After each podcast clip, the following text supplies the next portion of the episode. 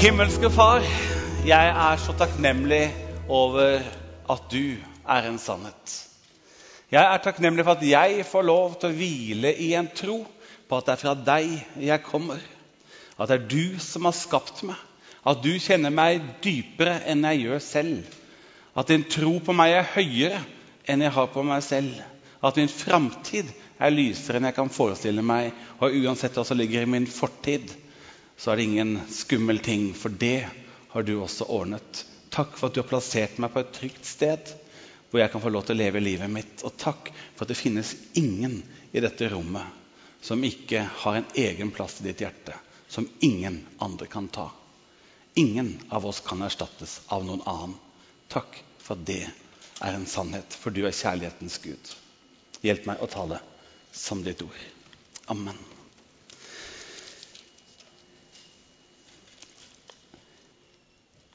Jeg eh, har gledet meg til i dag.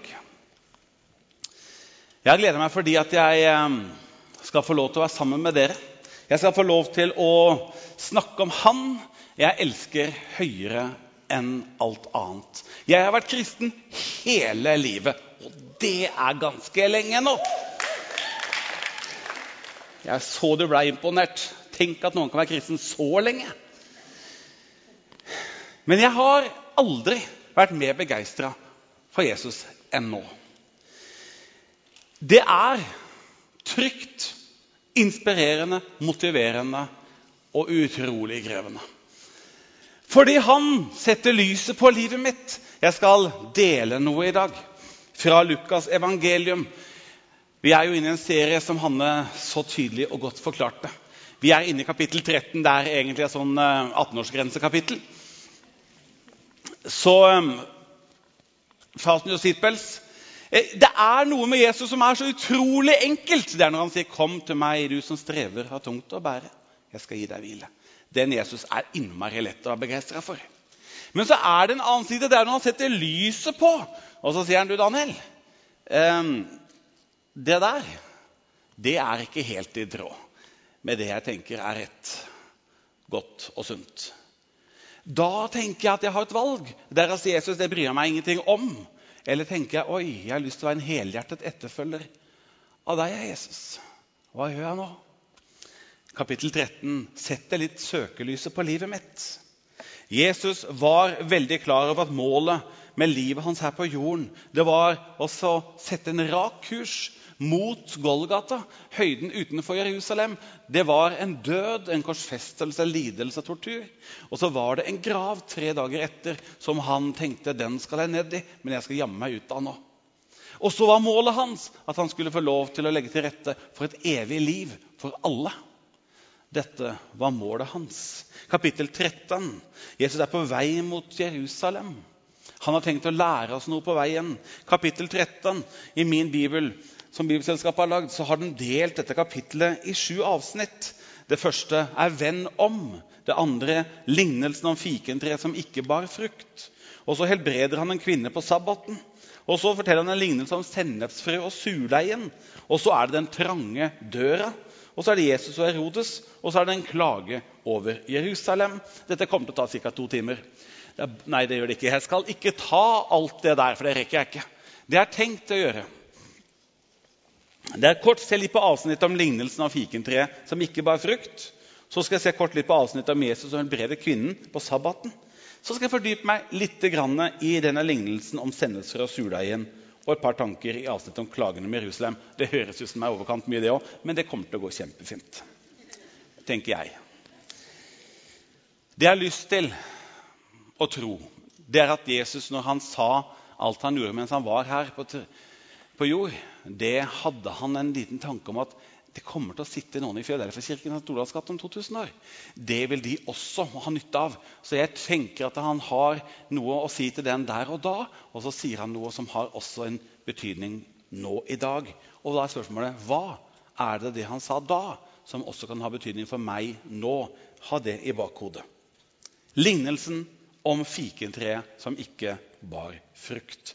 Det høres ut som en innledning av et eller annet eventyr av H.C. Andersen, men det er det ikke. Det er noen ganger umulig å høre undervisningen av Jesus uten at man noen ganger opplever det her var ubehagelig, og det er utfordrende. Jeg tenker at vi er på vei inn i en av de lignelsene. Det er sånn at Jesu ord de treffer meg hvis jeg har lyst til å bli truffet. Det treffer meg sånn at jeg må ta stilling. Til og med vil følge ordene hans. Eller faktisk velge å ta andre ord eller andre verdier, eller at andre ting skal styre livet mitt.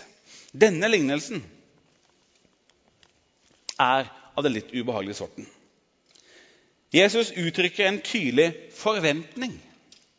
Og så sier han faktisk at han måler livet mitt ut fra en eller annen form for forvaltning av livet som jeg gjør. Og Når jeg kjenner at jeg reagerer litt på at han setter forventninger eller krav, til frukten av min etterfølgelse, så blir jeg undrende på når jeg da først reagerer, på om jeg har eller kan stå i fare for og litt for ensidig velge å fokusere på fordelene uten å ta inn over meg forpliktelsene som ligger i det å inngå en pakt med Gud. Det er som om jeg har fått en ny jobb, og jeg er kjempebegeistra for lønnsbetingelsene, feriedagene og bonusordningene. Det eneste jeg ikke har tatt inn over meg, det er at jeg må begynne på jobb klokka seks eller sju. Og det at jeg må jobbe fulle dager og gjøre mitt beste. Det tar jeg ikke inn over meg. Men for en lønn! Tenk ferie! Altså, Det er begge deler. Det er som å bli gift, og du tenker at det her skal bli gøy.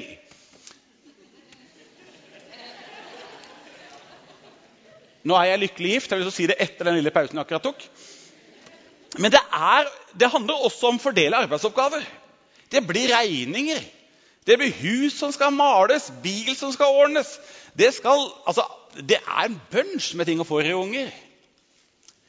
Da blir det jobb, da. Det gleder man seg til, men man aner jo ikke hvor lenge. Altså, jeg har jo helt fram til nå tenkt når de blir 18-19, så flytter de.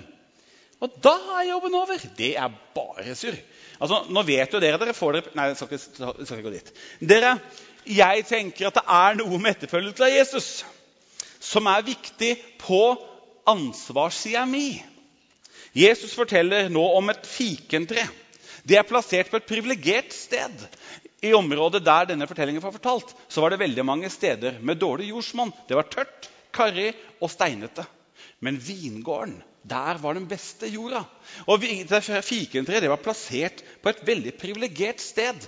Alt ligger til rette for at det skal kunne få til å vokse og bære frukt. Dette er utgangspunktet. Og Når Jesus ofte løfter opp temaet om Guds rike, så er ikke det et rike som er rundt oss, som det skal ligge i Drøbak eller Sverige. Altså, Nei, sier Jesus, det er inni dere. Det skjønte de jo ingenting av. Men det betyr i praksis at når Jesus gir oss troen, så er det som han gir noe inn i livet vårt som heter Den hellige ånd. Og Den hellige ånd kan lede oss inn i en helt annen måte å leve på. Med nye verdier, nye tanker, som påvirker hvordan jeg prioriterer å se verdier. Jeg har lyst til å ta og fortelle denne lignelsen. Og den er som sagt litt utfordrende. Så fortalte han denne lignelsen. En mann hadde et fikentre. Det var plantet i vingården hans. Han kom for å se etter frukt på det, men han fant ingen. Da sa han til gartneren nå er det tredje året jeg kommer og leter etter frukt på dette fikentreet uten å finne det. Hugg det ned. Hvorfor skal det stå her og suge ut av jorden?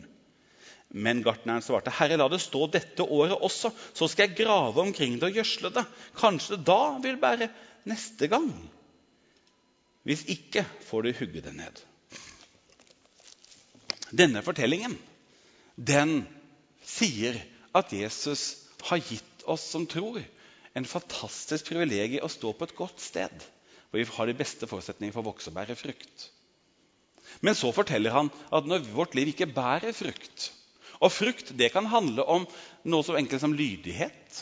Det kan handle om hvordan vi forvalter, det at vi deler troen med andre. Det kan handle om at jeg tilgir min neste. Det kan handle om at jeg la Gud få lov til å få plass i livet mitt og forme meg lik Jesus. Frukten. Og Når han ser at det er ingen frukt, så kommer han med en dom. Men så kommer han i også med nåde. Han sier ja, men du, vi gir det et år til. Vi graver rundt det, vi gir det mer liv, mer kraft. For jeg har så lyst til at det skal vokse, og jeg vet det har potensial til det. Men så sier han at hvis de ikke gjør det, så hogges det ned. Det ligger et alvor under denne fortellingen. Og jeg kjenner jo at det utfordrer nesten bildet mitt på Gud som er nådig. Hvor blir av en nådig Gud som plutselig sier 'nå hogger jeg deg ned'? Det, altså, det ikke, høres ikke sympatisk ut engang. Hva er dette? Hvordan skal jeg balansere dette? Kolliderer det, eller gjør det ikke det? Er det sånn at forventer Jesus noe av meg fordi nåden som han har gitt meg, den er så sterk, den er så virksom, og den kan hjelpe meg til å reise meg igjen og igjen fordi Den hellige ånd gir meg kraft til det.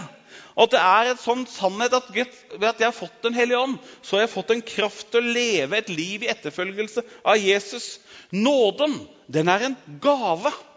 Den er ikke noe jeg kan gjøre en fortjent til eller lage selv. Det er noe Gud gir. Men nåden den er ikke bare noe passivt, den er noe dynamisk. Nåden den er en drivkraft i mitt liv, så jeg kan leve det livet som Gud har kalt meg til. Nåden er dynamisk.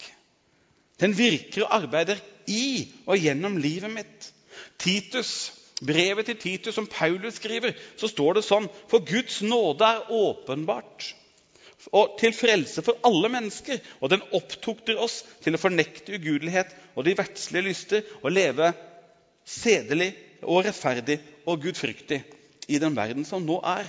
Så sier Peter i 2. Peter 3,18.: Men voks i nåden og i kjennskapen til vår Herre Jesus Kristus. Og Paulus sier, bli sterk ved nåden. Det er noe med nåden som jeg hviler i men som også jeg må gi rom i livet mitt. For jeg er plassert på et privilegert sted fordi Den hellige ånd er plassert i mitt liv. Så går han til denne fortellingen om kvinnen. Dette er så langt jeg vet, siste gangen vi kan lese om at Jesus er i synagogen. Han er der inne, han sitter og underviser. Og så er det en kvinne som er der inne i forsamlingen.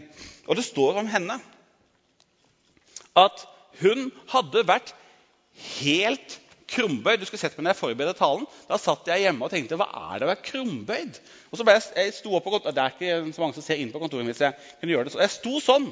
Så tenkte jeg hvor kjipt er det å være krumbøyd?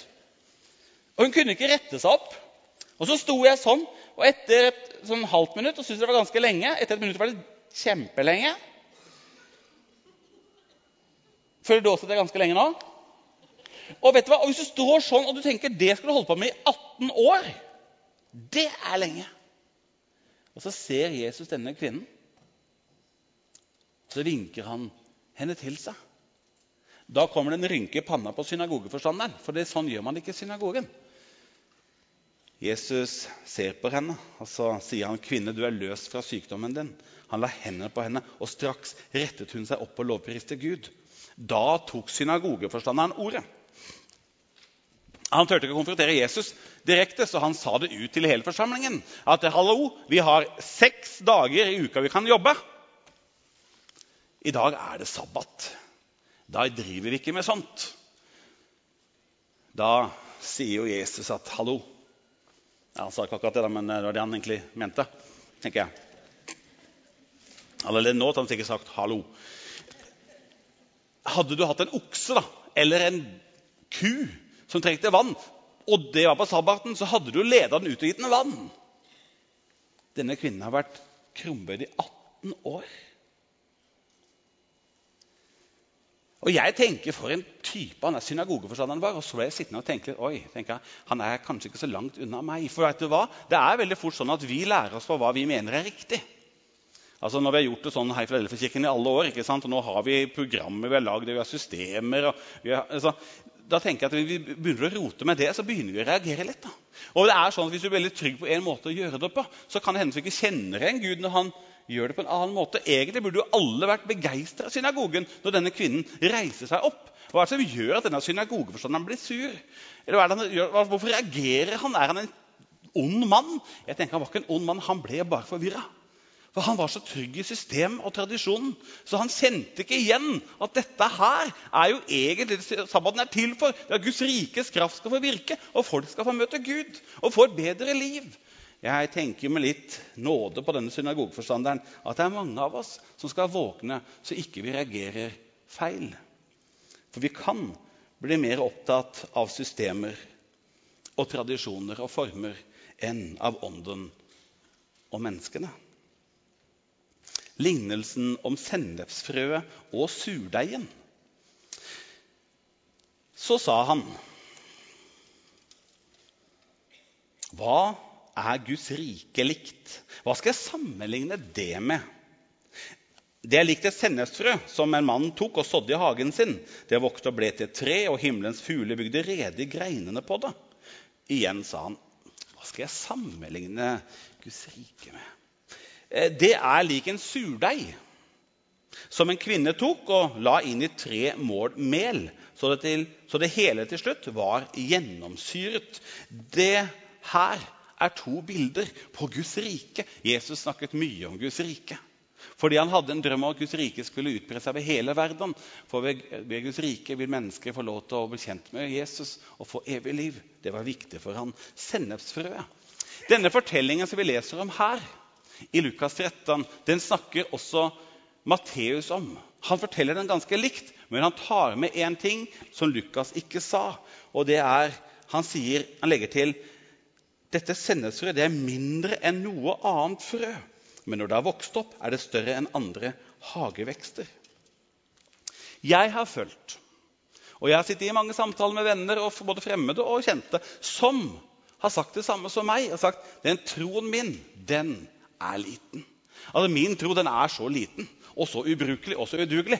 Men du, det er litt som fortellingen om de tre bukkene Bruse. Det kommer en etter meg. Han har mye større tro enn meg. Alle andre har mye større tro. Han som kommer bak der, han har mye større tro. Altså, Kan du be for meg? Jeg er syk. Ja, da, Hvis du henter Andreas Egerton. Han er god på å be for syke. Ja, men jeg er veldig syk. Ja, du, Da bør vi hente en annen. Skal vi se hvem er det vi har da? Henter vi Karl Inge Tangen. Han er kjempegod på å be for syke. Altså, men, men, hva med deg? Ja, men Min tro den er så liten. Jeg har fått telefoner fra folk i menigheten jeg har vært pastor. Skal ikke si hvor. Så sa du, jeg vil gjerne at du skal komme på jobben min en tur. Skal jeg komme på jobben din? Ja, hvorfor det? Ja, du, Jeg har en kollega som er så nysgjerrig på det her med Guds rike. Og så skal jeg komme på jobben for ja, å snakke med kollegaen min og fortelle om Jesus. Ja, jeg skal komme på jobben din og snakke om Jesus til din kollega. Ja, Hvorfor kan ikke du gjøre det sjøl? Nei, du, jeg klarer ikke å sette ord på noen ting. Jeg, det her. Og du har vært kristen hele livet omtrent? Ja, det har jeg. med. Altså, du, du må ikke tørre å tenke lite om det lille. Du må tenke stort om det lille. For dette sennepsfrøet, det har så stor kraft. Og det har så stort potensial at bare du har det frøet, så må du bare la det få lov til å bli virket i hele livet ditt. La Guds ånd få virke, så skal det vokse. Og det kommer til å bli som et stort tre, det største i hagen. Jeg er ikke redd for det lille. Fordi det er kraft i det lille.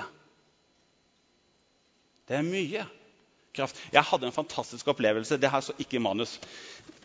Men jeg, i går kom jeg hjem fra Nairobi. Eh, jeg var der sammen med bl.a. Karl Inge. Vi sitter og spiser. Og vi har spist mye afrikansk mat.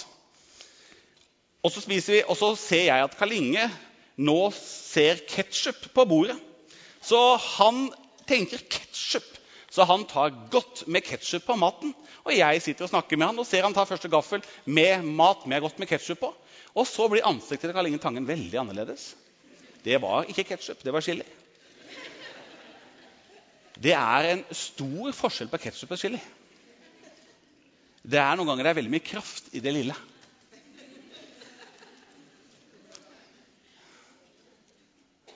Det er mye teologi rundt et matbord, tenker jeg. Vet du hva? På jobben din er du chili. Det er ikke sikkert de andre vet det. Det er ikke sikkert du vet det, Men det du har fått, er sterkt nok til å forandre en arbeidsplass. Det du har fått, er sterkt nok til å forandre livet ditt. Bare la det få virke. Surdeigen. Den historien og det bildet hentet høyst sannsynligvis Jesus fra hjemme hos Maria. Mamma Maria for den bakte brød hjemme.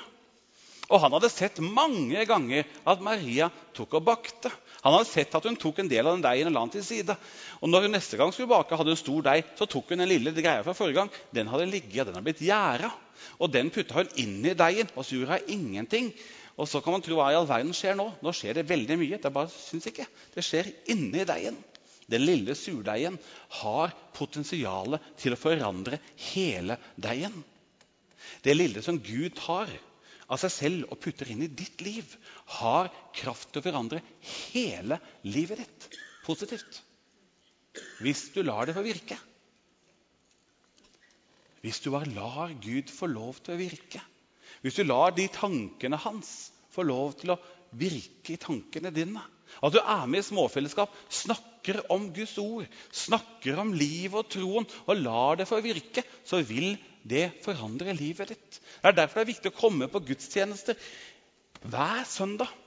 Det er ikke sikkert du føler noe akkurat da, men det skjer noe med at surdeigen, Den hellige ånd og ordet virker lagt inn i livet ditt. Og så begynner det å virke, og det virker usynlig. Det virker inni deg. For kristendom og tro og etterfølgelse begynner ikke på yttersida, det begynner inni oss. Og det er ikke alltid det ser så radikalt ut å begynne med. Men potensialet er radikalt livsforvandlende positivt. Du kommer til å ligne mer og mer på Jesus. La det få virke. Det begynner inni deg, og det kommer til å vokse og det kommer til å forandre både deg som menneske. Det er også i samfunnsperspektiv. For når du og jeg er plassert inn i en arbeidsplass, inn på en skolegård, inn i et klasserom, så vil vi når vi sitter rundt bordet og tar med oss Guds rike, inn i den samtalen, inn i det miljøet. Og hvis vi tør å dele det, så vil det over tid være med å forme den settingen du er. For så sterkt. Jeg sa det. Du er chili. Spør Karl Inge åssen det smaker. Det er sterkt, altså. Dere skal få kraft idet Den hellige ånd kommer over dere, og dere skal være disipler. Jeg har lyst til å oppmuntre deg på tro på det Gud har gitt deg. Tro på at nåden er sterk nok til å forandre livet ditt. At nåden ikke er passivt, men det er aktivt. Klagen over Jerusalem i avsnittet 'Klagen over Jerusalem' så kommer Jesus' kjærlighet og fortvilelse over Jerusalem fram. Han sier, 'Hvor ofte vil jeg ikke samle barna dine som en høne samler kyllingene under sine vinger?' Han hadde vært i Jerusalem mange ganger. Han hadde fortalt dem evangeliet, fortalt dem om Gud. Han hadde bydd på sin kjærlighet, bydd på seg selv. Men han sier med smerte, 'Dere ville ikke'. I Johannes, I Johannes evangelium kapittel 1 så står det han kom, altså Jesus kom til sine egne, men de tok ikke imot ham. Han var vant til, dessverre Gud er vant til å bli avvist. Og også noen ganger av sine egne. Også noen ganger av meg. Det er da jeg stopper surdeigens prosess i mitt liv. Det er da sennepsfrø forblir et sennepsfrø, men det får ikke lov til å bli et tre. Fordi jeg stopper veksten, for jeg stopper innflytelsen det har potensielt i mitt liv. Det er da vi er tilbake til fikentreet som ikke bærer frukt. Når jeg er plassert privilegert, jeg har fått kraften i mitt liv, jeg er kobla på Guds kraft, men jeg stopper det. Jeg lar det ikke få virke. Det er da det blir ufruktbart. Og over det er det Jesus setter en dom og er ganske tydelig. Jeg tenker, Hvorfor gjør han det? Han er jo ubehagelig. Hvorfor gjør han det? Jeg tenker, Hvis jeg jobba på et verksted, og du var min venn, og du kommer med din bil, og du sier 'Kan du sjekke bilen om alt er på stell?' Og jeg er glad i deg, tar bilen inn, og jeg ser vet du hva, Oi, denne bremsevaieren den holder på å ryke. Det var dårlig. Det ikke, altså, bremseskiven, Her går du rett på metallet. Altså, det er jo ikke bra. Men altså, jeg er så glad i deg. vet du. Ikke, altså, det koster jo penger. Jeg, altså, jeg sier at alt er i orden. Ja. Altså, og Da er jo du fornøyd når du kjører videre med bilen din. Du aner jo ikke at det er livsfarlig. Jeg tenker at Det høres snilt ut å si at denne bilen er kjempebra. den. Er Kjør på. Koster ingenting. Det er gratis. Det er livsfarlig. Jeg tenker noen ganger at Jesus setter det lyset på.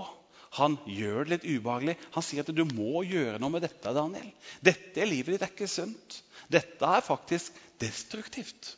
Dette kommer til å føre deg på et vondt sted. Han sier jo ikke det for å gjøre livet mitt kjipt, men han gjør det fordi det er omsorg. Du, Den bremsavaieren den holder på å ryke. Den må vi skifte. Og etter, du, må få, du må skifte bremser også, for de er helt nedslitt. Og når du får gjort det, koster litt, vet du hva, da blir bilen bra.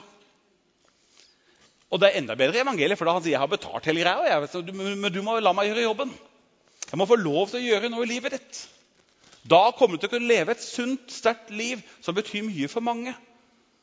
Men du må være villig til å la meg slippe til og forandre livet ditt. I det kapittelet som ligger før, i kapittel 12, som vi hørte om i forrige uke, så står det sju ganger 'vær ikke redd og vær ikke bekymret'. Når vi i kapittel 13, nå, nå har Jeg lyst til å si at jeg tok ikke med det avsnittet hvor det står 'den trange døra'. Og Det er egentlig et veldig krevende kapittel. For det står bl.a. at det, det, de banker på og sier 'Herre, lukk opp for oss'. Da skal han svare, 'Jeg vet ikke hvor dere er fra.' Da vil dere si, 'Vi har jo spist og drukket sammen med deg, og du har undervist på gatene våre.' Men han skal svare, 'Jeg vet ikke hvor dere er fra. Bort fra meg, alle dere som gjør urett.' Der skal dere gråte og skjære tenner når dere ser Abraham, Isak og Jakob og alle profetene i Guds rike, mens dere selv blir kastet utenom. Altså, det, nå tok jeg ikke med det. Altså, dette er jo brutalt. Hva er det han prøver å si med disse tingene? Jo, han sier noen ting om at hvis du skal leve det livet som etterfølger, så må du la ordene mine få lov til å være retningsgivende i livet ditt. Ellers så blir du, som han også kalte synagogeforstanderen, en hykler.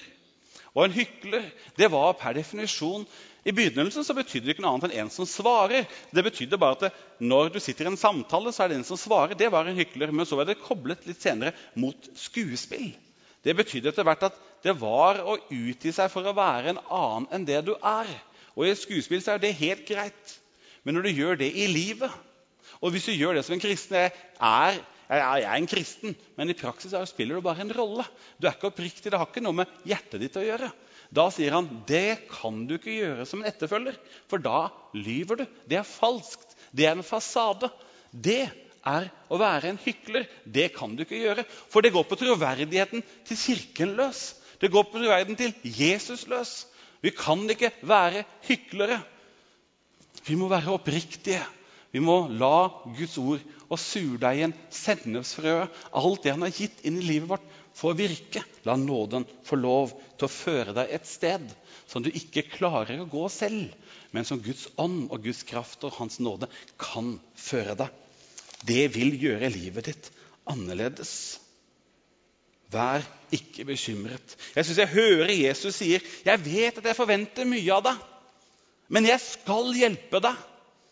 'Jeg vet at denne verden vil friste deg til å leve annerledes enn det jeg sier deg nå.' 'Men vær ikke redd, for jeg skal gå med deg. Sånn som dagen er, skal styrken din være.' Ja, 'Men jeg har ikke ord.' Ja, 'Men du, jeg skal gi deg ord i den stund du trenger det.'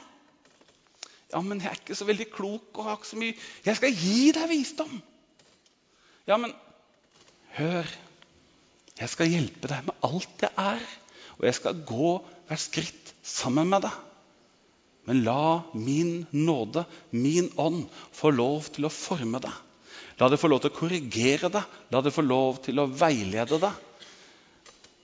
For du er ment til å være et menneske som bærer frukt.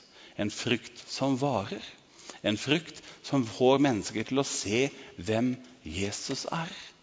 For en kirke som ikke bærer frukt, gjør Jesus utrolig vanskelig tilgjengelig for alle de som ikke tror, og som trenger å finne ham. En taus kirke. En usynlig kirke.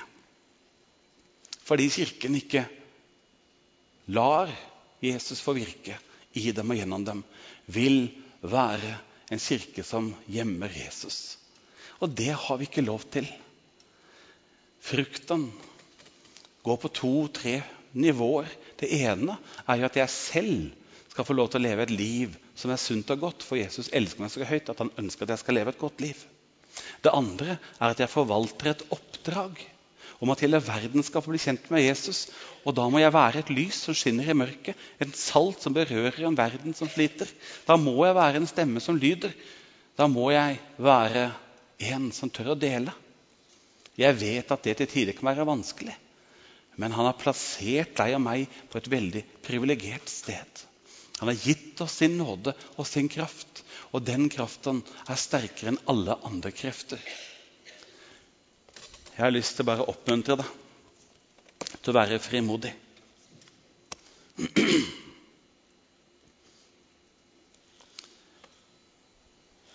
Jeg sa jeg var i Nairobi. Vi driver et fantastisk misjonsarbeid gjennom Fila Global. Vi, eh, det vi gjør nå i Nairobi, er fantastisk spennende. Vi møter, vi har ikke mange, vi har invitert det misjonsarbeidet som ble startet sin tid gjennom Finland, Sverige og Norge, i mange afrikanske land. Det har vi holdt på med i nesten 100 år.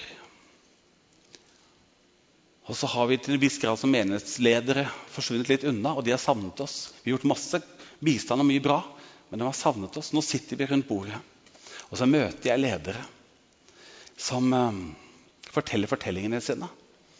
Han ene er fra Etiopia. Han forteller om når kommunismen kom og hele kirken ble tvunget under bakken. Han forteller om når han ble fengslet sammen med kona si, og de ble torturert for sin tro. Han får møtte en av fangevokterne sine senere. Og Da sier denne fangevokteren vi satte noen hundre av dere i fengsel. Og når vi måtte slippe dere ut, var dere tusenvis. For den surdeigen og det sennepsrødes kraft er enormt sterk. Og denne pastoren, Geto, han leder i dag tusenvis av kirker. To millioner mennesker i Etiopia. Vi er med og skal bygge et arbeid sammen med dem for å fostre og trene nye ledere. Pastoren fra Sudan, et land som har vært herja med krig, han forteller Jesaja tre av mine brødre ble drept i den krigen. Jeg måtte rømme sammen med flere ut i sumpa for å i hele tatt overleve. Nå sitter jeg i dag, og så ser jeg han som drepte søstera, moren og faren til denne personen. Og nå sitter de og skal finne veien sammen. Vi er en traumatisert nasjon. Og jeg skal sitte og bygge bro mellom offeret og overgriperen. Og så spurte vi åssen går det an å tilgi. Tilgivelse, sa Jesaja. For meg det er å frase meg retten til hevn. Det er å velge. Og når jeg velger det, så er det Guds rikes kraft som virker i mitt liv. Og nå bygger vi broer over hele Sudan, så at ikke bitterhet skal føres videre til neste generasjon og neste generasjon og neste generasjon. Og så er en annen pastor opp fra Kongo. Så sier han jeg sto sammen med en. Og så kom det en og tar et spyd og kjører det gjennom brystkassa på han. Dette er brutalt. Og så står vi der og skal finne ut kan jeg være pastoren hans i neste runde. For det ble jeg utfordra på. Han som drepte. Hva i all verden skal man gjøre i en verden som er full av brutale ting? Vi må la surdeigen få virke. Sennelsrøs kraft. Og vi må bli en kirke som bærer frukt disse pastorene som vi nå skal være med oss og sammen med i Etiopia, Sudan, Uganda, Kenya, Kongo, Tanzania de leder millioner av mennesker. Vi får sitte rundt bordet sammen med dem som likeverdige venner og se om vi kan være med og hjelpe dem. Det er fantastisk stort, det vi gjør. Jeg tenker, jeg sitter der og tenker, jeg er jo liten. Jeg, er sennepsfrøet. Men så sitter Niklas Benso i Stockholm og sier Daniel, må ikke tenke lite om deg sjøl. For du har også en betydning her. Og jeg tenker vi må tørre å tenke stort om det lille. For det gjør faktisk Gud. Og det må du tenke på din skoleplass, på din arbeidsplass, i ditt nabolag. Tenk stort om det lille. Men det vi ikke kan leve med, det er at vi ikke bærer frukt. Det kan vi ikke leve med over tid. Det kan hende vi er i en hospitalfase i livet. Det skal vi få lov til.